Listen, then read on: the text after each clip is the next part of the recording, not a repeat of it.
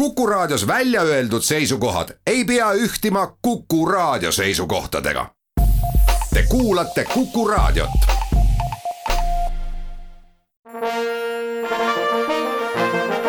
Vanemuise veerand. tere kõigile teile, head Kuku raadio kuulajad.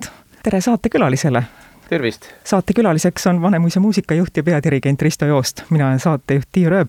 kahekümne kaheksandal jaanuaril toimub Vanemuise kontserdimajas kontsert Eesti ballaadid ja kontserdi pealkiri juba ütleb ära ka koorilaulu muusika kaugele inimesele, et ettekandele tuleb Veljo Tormise suur teos Eesti ballaadid. miks sa otsustasid, et praegune aeg on õige just nimelt selle teose ettekandmiseks?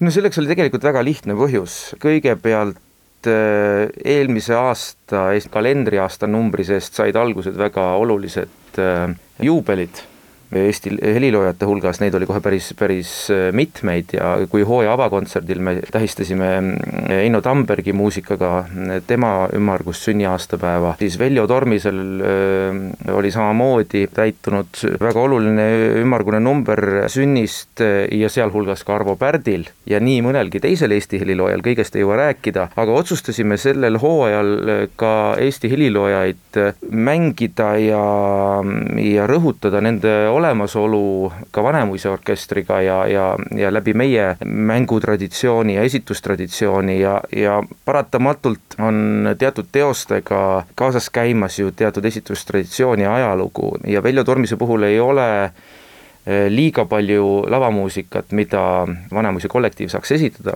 küll aga on mõned märgilised teosed ja noh, tegelikult Kaarel Irdi aegadest naistelaulud ja meestelaulud on ju ka tegelikult Vanemuise teatri tellimusena siin ette kantud, siis praegu neid ei olnud võimalik esitada, esitada, aga Eesti ballaadid, mis on küll, küll Estonia teatri tellimus, on küll selline lugu ja võimalus, ma arvan, mida peaks iga inimene, iga muusik äh, kogema vähemalt korra elus. ja praegu oli selleks äh, sobiv hetk ja, ja me otsustasime, algselt olid siin ka lavastuslikud ideed, aga see oleks läinud liiga komplitseerituks ka nii lühikese planeerimisega ja, ja seetõttu otsustasime ikkagi minna kontsert ettekande teed, millel on selline mõõdukas ka valguslahendus ja toetus, aga otsustasime seda teha täiesti omade jõududega. ehk siis, et ei ole ühtegi külalissolisti, vaid kõik lauljad on äh, Vanemuise muusikaosakonna trupi liikmed ja, ja selles mõttes see tuleb täiesti Vanemuise tõlgendus kõige paremas mõttes. ja, ja kuna see teos on,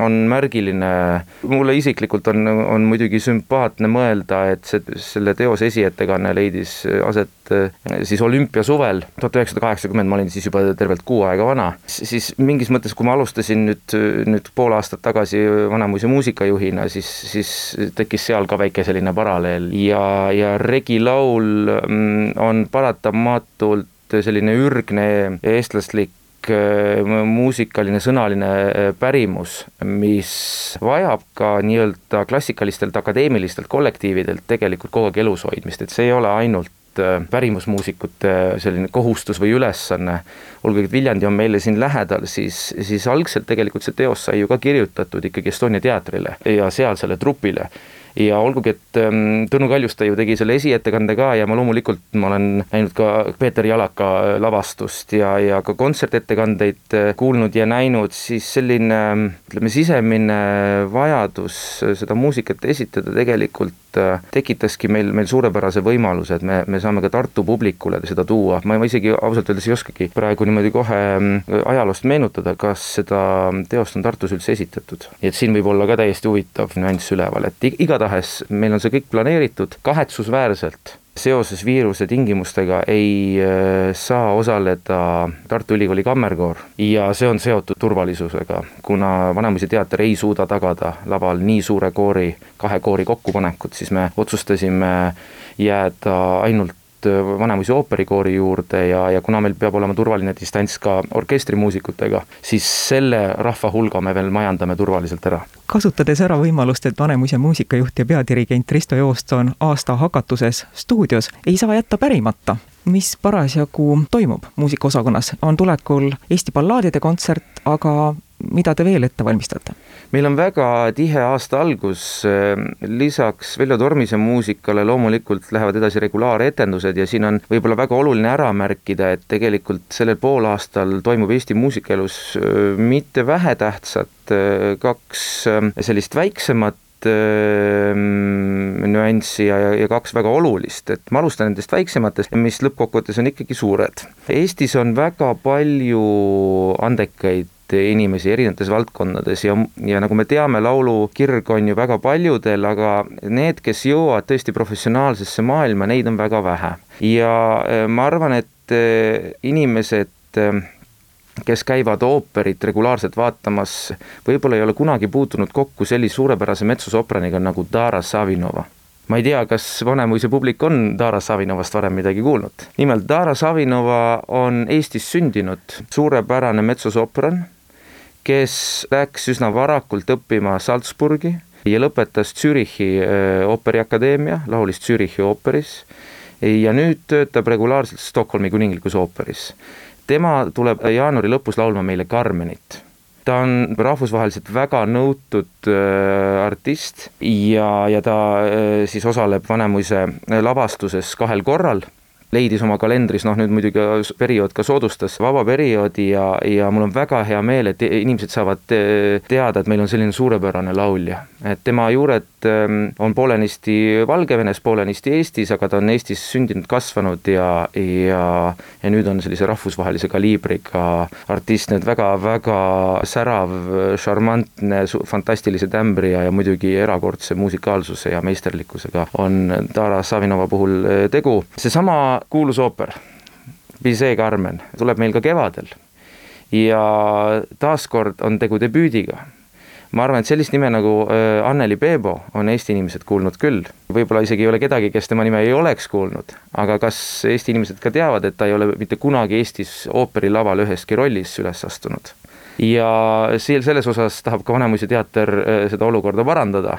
nimelt äh, siis kevadel laulab Anneli Peebo teeb oma Eesti debüüdi Carmeni rollis, mida ta on aastaid ja aastaid laulnud üle maailma, aga nüüd õnnestub ka kodupublikul kahel korral teda kuulda, nii et, et see on, ma arvan, väga oluline. ja selles mõttes Vanemuise teater üritab hea seista Eesti juba tuntud lauljate toomise eest Vanemuise teatrisse kui ka, kui ka noortele võimalust andmast ja, ja võib-olla siinkohal oleks ka paslik täpsustada, et Vello Jürna vokalistide konkursi võitja Raiko Raalik, kes praegu on noor äh, Estonia rahvusooper Ooper Estonia mm, baritonisolist äh, on äh, tulemas ka meile külalisena, nüüd seda küll järgmisel hooajal, nii et, et lihtsalt tahtsin korra anda märku, et tegelikult meil siin, me tegeleme väga olulisel määral Eesti lauljate Vanemuisesse toomisega, kes ei ole veel võib-olla Vanemuises nii aktiivselt või üleüldse esinenud.